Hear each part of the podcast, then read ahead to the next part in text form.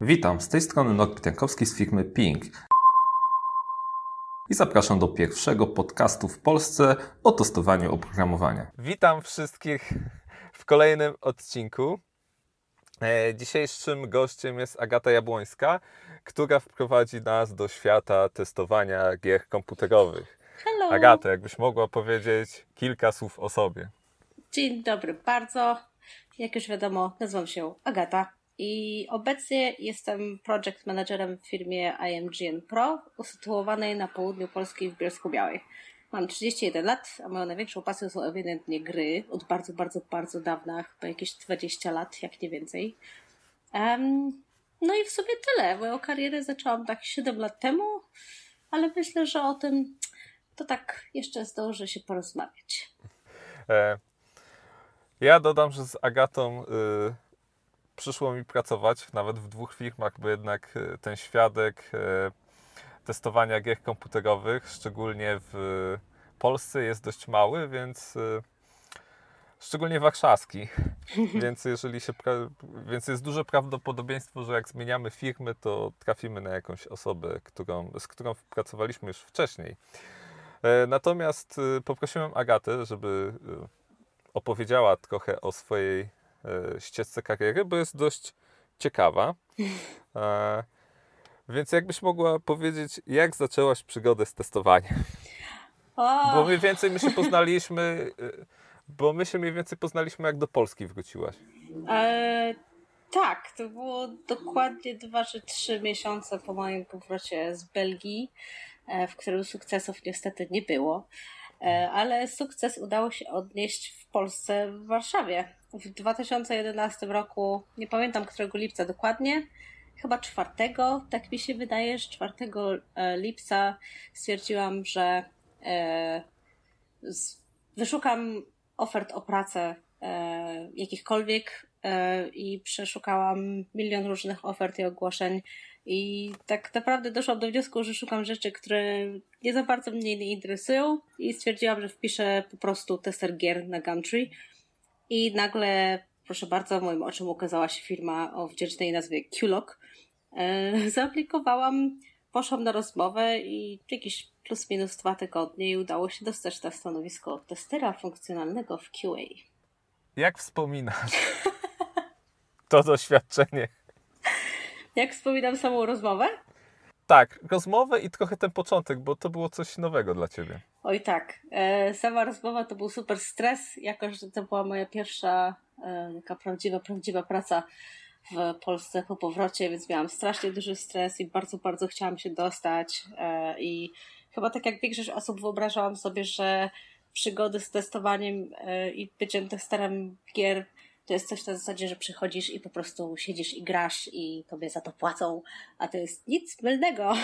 To jest bardzo duży błąd i trzeba na to uważać, a tak naprawdę bardzo, bardzo, bardzo przyjemnie to wspominam. Początek był niesamowity, było strasznie duże tempo, duży projekt, który do tej pory chyba najmilej wspominam.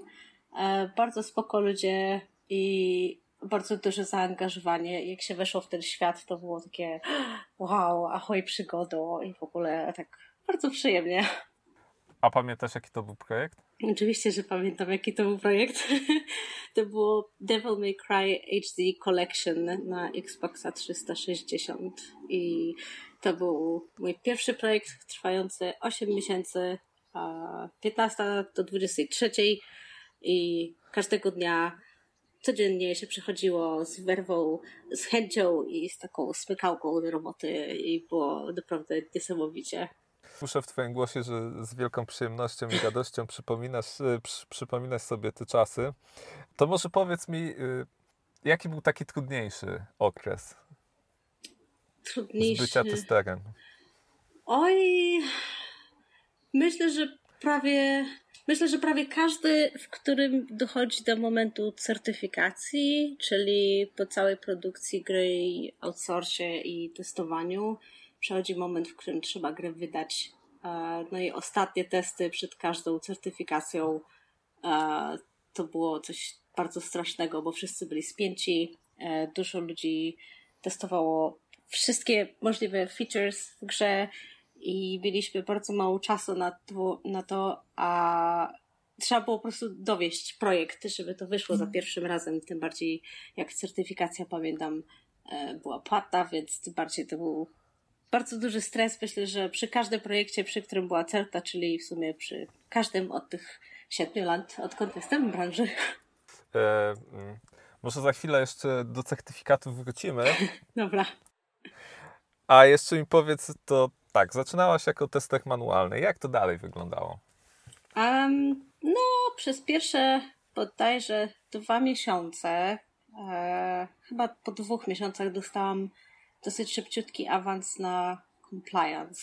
E, compliance to jest taka bardziej techniczna strona rzeczy, e, która ma specyficzne wymogi pod daną platformę względem certyfikacji.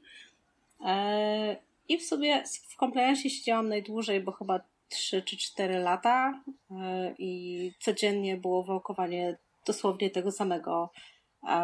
Z, każdym, z każdą nową wersją gry trzeba było przejść przez te same wymagania, sprawdzać to samo i przez 8 godzin dziennie, bardzo długo, przez długie okresy czasu e, siedziałam w tym, ale to było coś bardzo, bardzo fajnego, bo e, to jest bardzo masa, masa rzeczy do nauczenia się, ale sprawiało mi przyjemność, bo to było wyzwanie, więc to było takie codziennie challenge accepted i jedziemy. A potem. A. No? Sorry, że ci przerywam. A powiedz mi, nie znudziło cię to? E, nie. Na początku mnie nie znudziło. Potem, e, potem to się robi troszeczkę żmudne, bo to jest taka. Każdemu się właśnie wydaje, tak jak mówiłam wcześniej, że to jest takie, przychodzi się i siedzi i testuje i płacą ci pieniądze za to, że po prostu grasz grę, ale to jest nie do końca to i każdy dzień był troszeczkę inny i jedyne co we mnie to mogło zmęczyć, to moją chęć do grania poza robotą. Poza pracą, jak wracałam na początku, było jeszcze ok, ale potem coraz mniej w te gry i coraz mniej, bo po prostu 8 godzin w pracy, a potem jeszcze dodatkowo po pracy i, i tak. Ble. Mówisz, że przestałaś przynosić pracy do domu. um, pracę do domu przynoszę do tej pory, tak szczerze powiedziawszy, bo jak tylko zobaczę jakiś błąd, to od razu się pytam, gdzie był QA i dlaczego ktoś tego nie przetestował. A poza tym, no przykro mówić, ale stan, w jakich obecnie gry wychodzą, um, jest taki, no, nie do końca taki, jakby gracze chcieli, end-userzy. I niestety, ale rynek robi się coraz bardziej um, taki szary pod tym względem, że wydaje się gry w półstanie, a potem trzeba robić patche do nich e, pierwszego dnia 100 giga, a potem łatać i łatać i łatać, aż to wyjdzie dopiero za pół roku w takim stanie, w jakim być powinno na samym początku. Zawsze jak słyszę o, właśnie o patchach, o mm, poprawkach, to szczególnie w grach komputerowych, to przypomina mi się nasz wspólny znajomy Radosław, e, który mówił, że grę się powinno oceniać e, przed i po patchach. No, tak, myślę, że myślę, że, że, że potrafię się z tym zgodzić. E, tym bardziej teraz, tylko że te pacze, które pacze? Czy te pacze, które wychodzą pierwszego dnia, czy te pacze, które wychodzą znacznie później? No, to też prawda. Bo to trochę się zmieniło, bo kiedyś jak, był, jak nie było w zasadzie aż tak mm, rozpowszechnionego dostępu do internetu, to jednak chyba bardziej e, te studia się starały, żeby ten produkt był jak, na jak najwyższym e, poziomie. To jeszcze jest za czasów, kiedy to było na dyskietkach, czy tam na CD-ROMie. Natomiast jak no już internet stał się powszechny, to gdzieś ta jakość zaczyna e, uciekać, a jakby terminy mają pierwszeństwo nad jakością, e, więc na część rzeczy się przymyka oko. Natomiast chciałem jeszcze wrócić na chwilę do tego compliance'u mm, i to jest szczególnie ważne w grach na konsolę. E, I żeby zobrazować słuchaczom, to jest przeważnie taka lista mm, wymogów, które musi dana gra spełnić, żeby być dopuszczona na daną e, konsolę. Tak jest. Ja to pamiętam za czasów Xboxa 360. Ta lista pewnie teraz sporo się rozrosła. Mm, doszło też różnego rodzaju mikropewnie płatności i ogólnie rzeczy związane z internetem i wersjami cyfrowymi E, gier komputerowych, czy tam konsolowych. Więc y, to, że, że tak jak wspomniałaś, że codziennie przechodziłaś przez pewną listę, to ja sobie wyobrażam, zresztą pamiętam, że to było mało przyjemne. I tutaj dla wszystkich osób, które rozważają mm, karierę właśnie testera gier komputerowych, muszą pamiętać, że jest taki wspaniały aspekt i dział mm, gier komputerowych. To na, na gry na PC, na platformę PC-ową też, na, też jest, tylko trochę inaczej to wygląda, bo tam jest bardziej kompatybilność sprzętowa. E, różna, w sensie różne karty graficzne, różne systemy operacyjne, różne procesory. Natomiast no, przy konsolach to konsola musi, znaczy gra musi być tak zoptymalizowana, żeby gra była, hmm, chodziła płynnie na tych konsolach. Jeszcze za czasów Xboxa 360 to było prosto, bo tej, ta konsola była jedna, natomiast teraz już konsole nawet się rozwarstwiły. Jest e, Xbox One, Xbox One Plus i teraz nawet nie wiem, jakie są te kolejne generacje. E, więc na przykład jedna z gier, która wyszła na PS4. E, nie będę mówił tytułu, natomiast ona na PS4 Pro lepiej chodzi niż na PS4 tym takim mm, zwykłym, tam podstawowym powiedzmy. Więc to tak a propos mm, compliance. Dobra, to lecimy dalej. Mm, tak jest. Compliance, co, po, co, co później było? Po compliance um, w pewnym momencie poczułam malutki przestój w tym, i szukałam czegoś, y, czym mogłabym zarządzać, e, bo dostałam seniora. Senior to jest taki pomocnik test leada, który zarządza całym zespołem i senior przeważnie pod niego potrzebował robić różnego rodzaju raporty z dnia, ile testów zostało ukończone, w jakim procencie, co poszło nie tak i tak dalej. I bardzo, bardzo dobrze się w tym poczułam. Więc e, wyszłam E, z compliance'u dostałam seniora i przez jakiś czas sobie tak seniorowałam, pomagałam lidom i w końcu chyba po, ojej, już nawet nie pamiętam, po roku albo po dwóch, jakoś tak, e, wskoczyłam na lida, więc miałam swój własny zespół, z którym wspólnie testowaliśmy um, daną grę od początku do końca albo w środku, zależy tam w jakiej fazie produkcji dostaliśmy produkt. E, no i w sumie tak lidowanie było tak bardzo, bardzo przyjemne, bo tam jest masa kontaktów z klientem, są codzienne kole, e, zdawanie raportów, dużo excelowania, e, za czym nie przypadam. E, ale jak się człowiek nauczy, to tak naprawdę nic nie jest strasznego ani złego, więc Excel, nawet jak nie lubię Ciebie, to jesteś mi bardzo, bardzo pomocny na co dzień.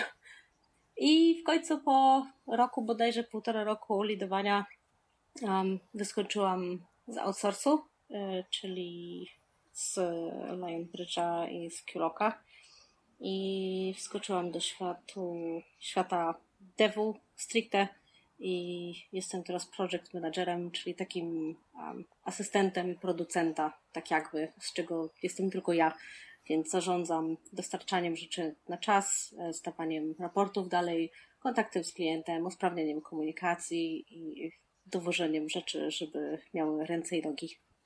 A budżetowaniem? E, budżetem obecnie się nie zajmuję. Okej, okay, byłem właśnie ciekaw, bo e, to już nie bywa w niektórych projektach. Jest ten budżet jeszcze przez project managera do zarządzania, w niektórych nie ma. E, ciebie na razie jeszcze to nie spotkało, ale pewnie w najbliższej przyszłości. Na razie. Będzie jeszcze więcej cyferek. Powiedz mi, Dobra, to jak testuje się gry komputerowe czy konsolowe? W outsourcie, jak byłam, e, dostawaliśmy bardzo surową wersję gry, czyli um, ktoś miał zamysł na grę i sobie ją poskładał, te wszystkie mechaniki poskładali w całość, czyli podstawowe audio, podstawowa muzyka, podstawowe questy, walka i tak dalej. I wtedy wszystko kompilują w całość i wysyłają nam tak zwanego builda. I build to jest pierwsza, potem druga, trzecia i dziesiąta wersja gry, którą trzeba przetestować. I um, w tych pierwszych wersjach jest o tyle łatwiej, że one mają w sobie naprawdę masę, masę błędów na każdym kroku e, i nie trzeba, nie trzeba mieć dobrego oka, żeby je zauważyć, bo na przykład odpalasz grę i od razu przestaje działać, więc już wiesz, że coś jest nie tak. Więc musisz e, znaleźć crashloga, wysłać go do klienta, klient przekaże to swojemu zespołowi, oni ten błąd naprawią, build ponownie zostanie skompilowany i z powrotem e, wysłany do nas. I w grach się sprawdza absolutnie wszystko, od stabilności, pełnej funkcjonalności e, przez audio, dialogi, prompty, format obrazu, tekstury, czy skille działają, czy bronie działają, e, czy bronie są dobrze zbalansowane, czy questa można przejść, albo co się stanie, jak się na przykład tego questa nie zrobi dobrze. Po prostu wszystko. I rodzaj testów i co powinno być przetestowane w pierwszej kolejności wyznacza przeważnie klient z samego początku, bo wie na czym chce dać swój fokus. No i my tworzymy piękną tabelkę z milionem wytycznych, e, co trzeba zrobić. E, na przykład odpal grę, przejść pierwszego questa, zakończ go i pytanie jest, czy można przejść tego questa. Jak tak, to to jest świetnie, jak nie, to w tym momencie trzeba wysłać raport do klienta, że sorry, ale nie możemy przejść tego questa, więc musicie go naprawić. I tak szczerze, to, to jest w kółko to samo, z czego im bardziej wchodzimy w development gry, w produkcję, tym mniej tych błędów jest i tym bardziej trzeba myśleć kreatywnie nad znalezieniem czegoś, więc rzeczy typu um, nie wejdę w prawe drzwi, tylko wejdę w lewe drzwi, a potem w sumie wyłączę grę i włączę z powrotem, sprawdźmy, czy moje savey tam są. E, takie rzeczy trzeba wymyślać samemu i to jest bardzo, bardzo ciężkie, bo takie rzeczy jak och, tutaj jest brak ściany, to można zobaczyć całkiem prosto, no a potem już wchodzi ta kreatywna półkula, w której naprawdę trzeba się wysilić, żeby wszystko ogarnąć. Czyli mówisz, że na początku jakby klient daje takie wymogi, mm, co ma być głównie przetestowane, a resztę jest robione jakby to, na co starcza czasu. Um, to czy klient na początku daje nam wytyczne, co zrobić, e, jak powinniśmy to przetestować, a potem rola jest nasza outsourcu, żeby dorzucić jeszcze jakieś dodatkowe rzeczy, które na przykład dla klienta nie były oczywiste. E, oczywiście musimy zrobić to w taki sposób, żeby pokazać, że rzeczywiście wnosimy coś do testów, żeby nie wyszło, że podważamy jego kompetentność.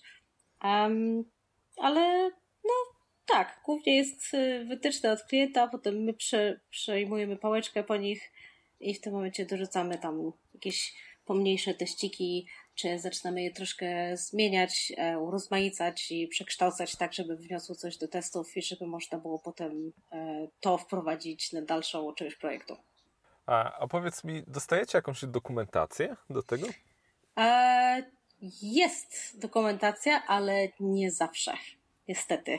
I jakkolwiek byśmy chcieli, żeby to było dostarczane, to czasami E, po prostu nie, nie, nie da rady jej wyrwać, bo jeśli dostajemy grę na przykład w bardzo surowym stanie, to dokumentacja tak naprawdę dopiero by się tworzyła. Jakbyśmy dostali projekt gdzieś od połowy albo gdzieś jeszcze dalej, to w tym momencie można się spytać, czy mamy coś, żeby znać systemy, żeby wiedzieć, jak gra działa, um, żeby zobaczyć od A do Z, co w niej tak naprawdę jest zawarte, żebyśmy mogli dostosować testy do zawartości tej dokumentacji. Okej, okay, bo z tego co ja pamiętam, jak były jakieś takie mm, gry, y, które ja testowałem i one miały jakoś tam główny wątek, to jeszcze był właśnie mm, jedną z takich dokumentów było przejście, jakby pokazanie tej linii fabularnej całej, żeby ją dokładnie sprawdzić, czy ona się spina y, na A... końcu. No, są takie przypadki, ale szczerze to im dalej brnęłam w ścieżce kariery, tym mniej dokumentacji testowałam. E, czyli wszystko było oparte bardziej na tym, co było zgłoszone. Klient analizował, czy to jest zamierzone, czy nie, plus, e, plus no, komunikacja i, i opisy słowno-muzyczne, które pewnie gdzieś tam w mailach się przewijały. No, tak mniej więcej tak, z czego być może też e, czasem zgłosiliśmy błąd, który okazał się by designem, czyli tak ma być mhm. i koniec, bo nagle um, zmieniła się wersja gry i stwierdzają, wiecie co, my to jednak zmienimy, bo nam się to nie podoba i w trakcie developmentu zmieniają na przykład właśnie albo questa, albo czy mechanikę, albo balans trzeba zmienić, więc e, ciężko trafić tak naprawdę, bo czasem dokumentacja może być on point, czyli jesteśmy bardzo zadowoleni, że w 100% ją mamy. Czasami jest brakująca i w tym momencie trzeba być w ciągłym kontakcie z klientem, jak to wygląda i czy takie są zamysły, albo może być bardzo, bardzo szczątkowa i wtedy jest e, bardzo duży chaos, żeby to ogarnąć i jest potrzebny ktoś taki jak e, lead bądź project manager, żeby spiąć wszystko z całość, w całości razem z klientem. A komunikacja się odbywa bardziej na poziomie właśnie leadów, menedżerów, czy zwykły tester też ma kontakt tak jakby bezpośredni z klientem? Um, rzadko kiedy testerzy mają kontakt bezpośredni z klientem. Um, nie jestem pewna dlaczego, e, więc nie mogę tutaj udzielić odpowiedzi, e, ale głównie lidzi i menadżerzy mają kontakt. Myślę, że chodzi po prostu o to, że to są już osoby na danym stanowisku, które mają dane kompetencje i są sprawdzeni w tym, co robią. Bo jakby mnie na przykład wrzucić w pierwszym tygodniu mojej pracy na kontakt z klientem, to myślę, że szybko moja głowa zostałaby ścięta. A tak, bo ja jeszcze rozumiem to przez e, trochę ten dylemat podejścia kontaktu z klientem przy testerach właśnie szczególnie gier komputerowych, że to jednak są osoby A młode, B, które dopiero co zaczynają swoją jakby ścieżkę kariery w testowaniu. To jakby ja tu upatruję te dwa czynniki. No tak, a poza tym nie wiadomo właśnie, czy osoba jest rozbrykana, czy, czy byłaby rzeczywiście rzetelna i kompetentna, więc e, tak strzał w ciemno trochę w tą stronę, więc myślę, że dlatego jest rozgraniczenie. A powiedz mi, jakie cechy i predyspozycje powinien mieć tester e, gier komputerowych? Hmm, to są, tak szczerze, to te cechy są powtarzalne w większości firm e, i nie dziwię się, bo się zgadzam z każdą z nich. Po pierwsze, pasja do gier. Jeśli ktoś gierkuje tak kod na oderwanie się od rzeczywistości, ale nie ma smykałki do tego, myślę, że mógłby się pogubić albo po prostu znudzić w tym temacie. E, po drugie, dobre oko, to jest na pewno bo to jest mega, mega ważne na każdym etapie testów. E, trzeba mieć dobre oko do tego, żeby wynajdywać błędy, które są no, ewidentnie oczywiste na pierwszy rzut tego oka, ale też do tego, żeby wychwycić rzeczy, których, które jest ciężko zauważyć za pierwszym razem. E, I po prostu z każdym razem, jak się przechodzi grę, to będą potrafić wychwycić więcej i więcej i więcej tych błędów. E, trochę kreatywności myślę, że powinien mieć tester, co nie zaszkodzi, e, bo niektóre błędy, tak jak już zresztą wcześniej wspominałam, nie są takie oczywiste, jak na przykład niewidzialna ściana. E, można pomyśleć na przykład, co bym zrobił, gdybym grał w to w domu, bo to jest takie pytanie podstawowe, które ktoś kiedyś mi powiedział, że spróbuj się poczuć nie jako tester, tylko siedzisz i grasz w tę grę w domu i po prostu przejdź ją na swój sposób. Więc w tym momencie nie siedzi się i się nie robi story od A do Z, czy robi się questy dokładnie tak, jak są napisane, tylko zaczynasz iść w drugą stronę, wyłączać grę, albo e, kasować sobie savey, albo coś tam i w tym momencie włączać taka kreatywna um, smykałka u ciebie i to jest bardzo dobre, tym bardziej w tych um, dalszych rozwojach um, i developmencie gry. No i chyba ostatni punkt, tak mi się wydaje, jest dobry angielski. Ten język jest podstawą do życia na tym świecie. E, a świat gier i testów nie jest wyjątkiem tak naprawdę. E, nawet jak się współpracuje z Polakami, bo często gęsto zdarza się, że naszym klientem jest ktoś z zagranicy, więc trzeba pisać błędy po angielsku, bądź jakieś raporty dla lida, czy bezpośrednio do klienta. Nawet w komunikacji z devami przydaje się, żeby w jasny i klarowny sposób potrafić przekazać cokolwiek chcemy przekazać. Więc pasja do gier, dobre oko, trochę kreatywności i dobry angielski są cztery takie podstawowe, które myślę, że każdy powinien mieć. Okej. Okay. E, to jest raczej zrozumiałe i takie, tak jak mówiłaś, takie cechy, które we wszystkich e, zawodach i pracach się przydadzą. E, natomiast chciałem wrócić, natomiast chciałem wrócić do certyfikacji. Jakbyś mogła chwilę o tym po, no, coś więcej powiedzieć na temat certyfikatów, które nam przechodzą gry na wyjściu. O samym compliance nie wiem na ile mogę rozmawiać, bo to są dane poufne niektóre, zwłaszcza same te testy. Um, ale tak jak już wspominałeś, to są e, certyfikacyjne wymogi które muszą zostać spełnione, jeśli gra ma przejść przez daną certyfikację na daną platformę i musi zostać wydana. Um, są to znacznie bardziej techniczne rzeczy, um, o których właśnie nie mogę się wypowiedzieć zbyt dużo, e, jak prawie wcale, e, ale chyba mogę na przykład zdradzić e, jedno takie coś, taki przykładzik, na przykład um, przeciążenie sieci przy rozgrywkach online, przy pomocy specyficznych programów stworzonych specjalnie do tego. Więc takie rzeczy się testuje w compliance albo jakieś rozłączanie od internetu. Właściwie o taką stronę techniczną chodzi niż takie sprawdzanie czy teksturek, czy audio, czy questów. I powiedz mi, jak gra nie przejdzie certyfikatu, to nie może wyjść na daną platformę. Nie może, ale są wyjątki w certach.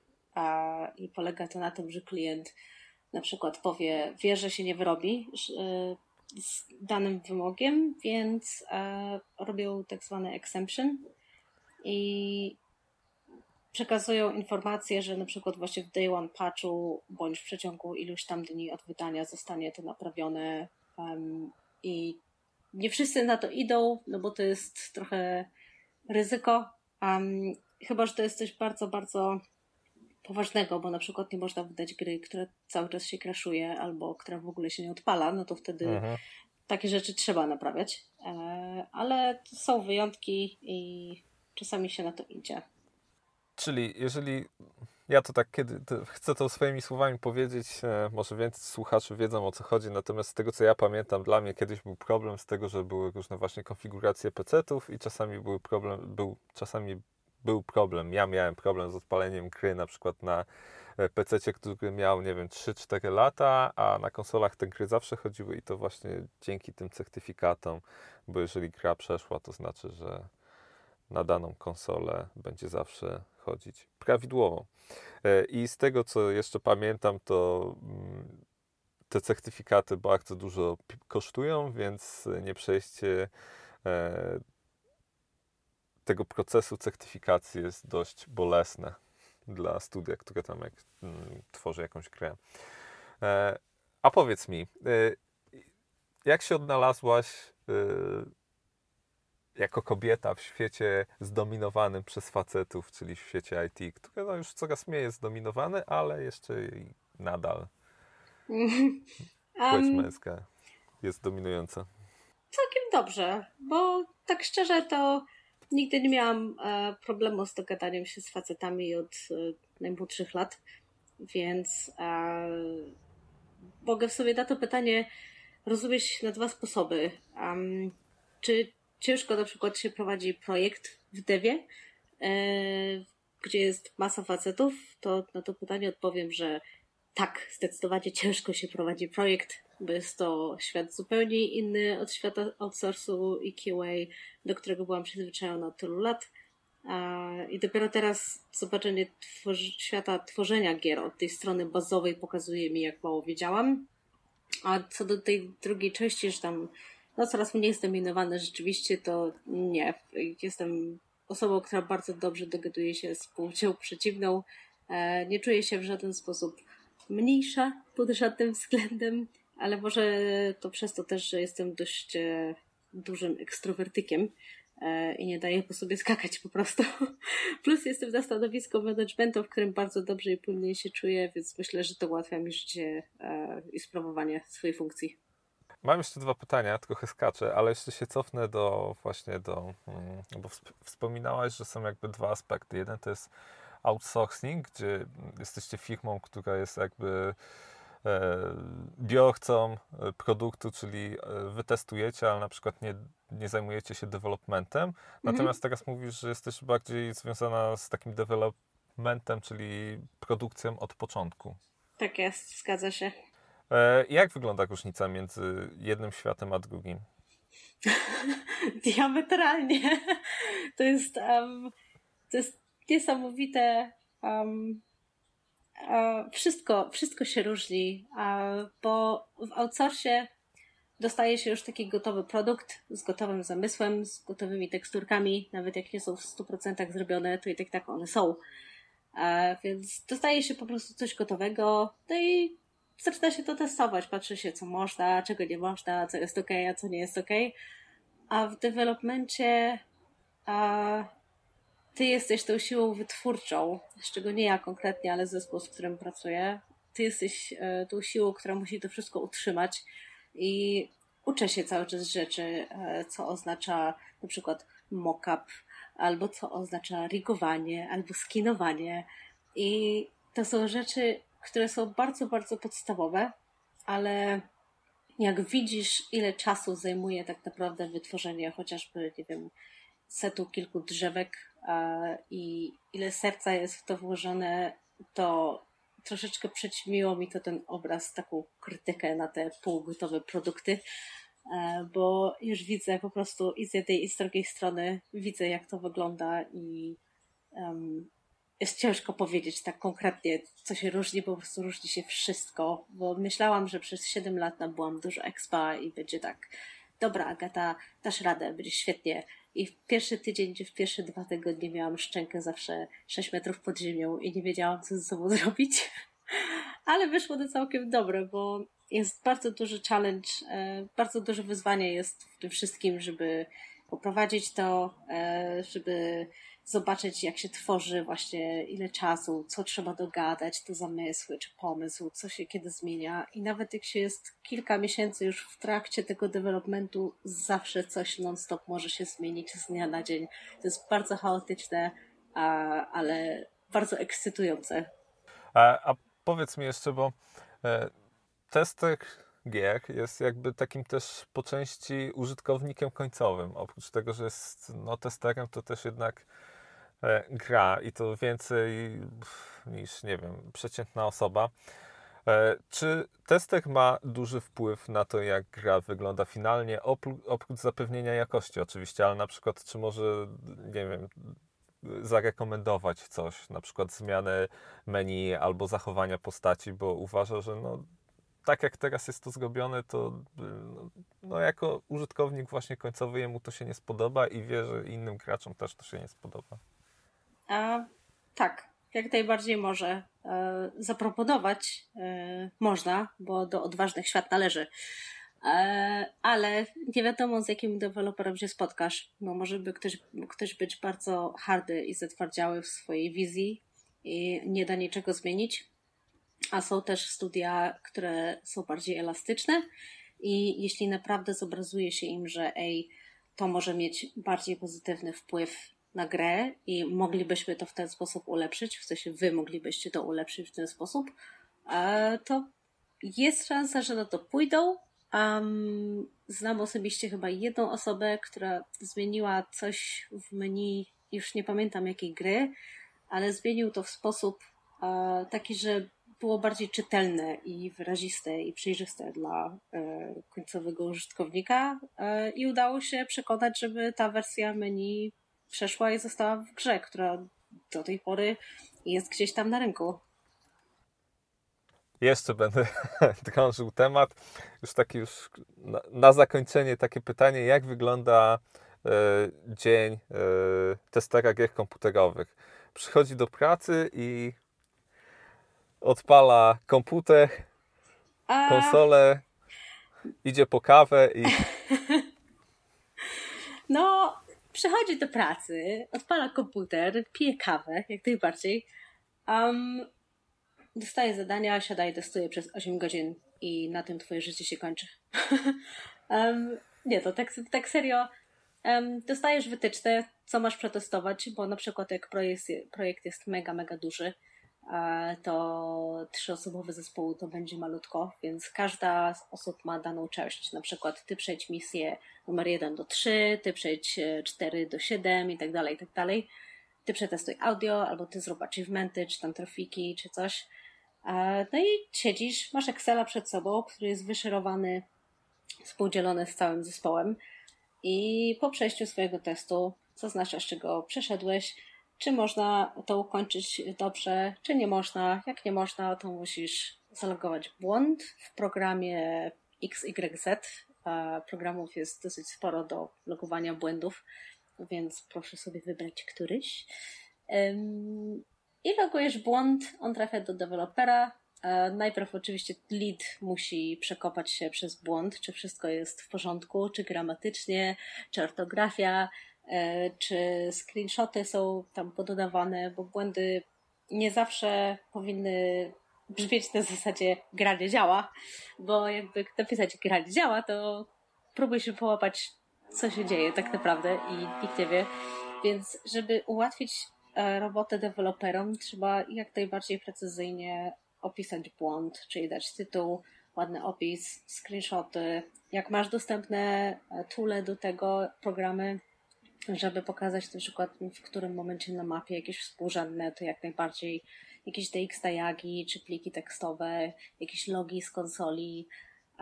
Dodajesz to wszystko, to leci w tym momencie do Twojego lida, lead sprawdza, czy wszystko jest ok, wysyła go dalej do dewelopera, um, no i siedzisz i dalej testujesz w sumie. I tak przez um, albo krótki, albo długi czas, bo też zależy od projektu. Jedne projekty są bardzo króciutkie, mogą trwać, nie wiem, czy miesiąc, czy dwa przypuszczalnie, ale są takie, które też e, trwają dwa lata. I tak, to jest też nudna robota, ale tak szczerze, jeśli się chce zacząć gdzieś w robocie, w której myślisz, że się spełnisz i masz bardzo dużą pasję do gier, to tester na początek nie jest niczym złym i przynajmniej widzisz, jak te wszystkie procesy wyglądają i zaczynasz mieć trochę bardziej taki um, łagodniejszy światopogląd na świat gier. Tak mi się wydaje. Super. E, bardzo dziękuję Ci za rozmowę. Życzę Ci kolejnych sukcesów. E, I dodam, że oprócz tego, że tester, e, jego jakby oprócz tego, że dostaje wypłatę za to, co robi, że polepsza jakość produktu końcowego, to jeszcze oczywiście tester e, gier jest umieszczany w napisach końcowych. Tak jest. Tak, co jest też taką wisienką na torcie, bo za każdym razem, jak się gdzieś dostało do napisów, to było takie, ach, kurde, ja tam jestem i wiem, że włożyłem coś z siebie. Jest bardzo fajne uczucie. Tak, i warto o tym pamiętać, natomiast tu jeszcze e, warto nadmienić, że tak jak przed chwilą wspomniałaś, jeżeli ktoś zaczyna w te testowaniu, to testowanie gier komputerowych komputerowych jest dość fajny przez to właśnie, że jak raportujemy też, że gdzieś tam test lead po drodze sprawdza, czy wszystko jest ok i dopiero to e, jest puszczane dalej. Z tego to dobrze zapamiętałem, więc e, tak, tą ścieżkę kariery polecam. Jak najbardziej. Ja też. E, dobrze, ja nie mam więcej do Ciebie pytań. Bardzo Ci dziękuję za poświęcony czas. Dziękuję bardzo za zaproszenie. Dzięki za rozmowę przyjemność po mojej stronie. Do usłyszenia. Trzymajcie się. Trzymaj się, Agata. Hej. Hej. Na zakończenie ogłoszenie parafialne. Na stronie podcast testowanie pojawiła się podstrona e, książki z książkami na temat testowania. One są rekomendowane. Natomiast e, podstrona współpraca ma dwie opcje mentoringu. Jedna darmowa 15-minutowa przez telefon oraz pełna godzinna e, offline, online, jak to woli. No i oczywiście zawsze możecie wspierać ten rozwój tego podcastu poprzez Patronite. Dzięki, do usłyszenia już wkrótce.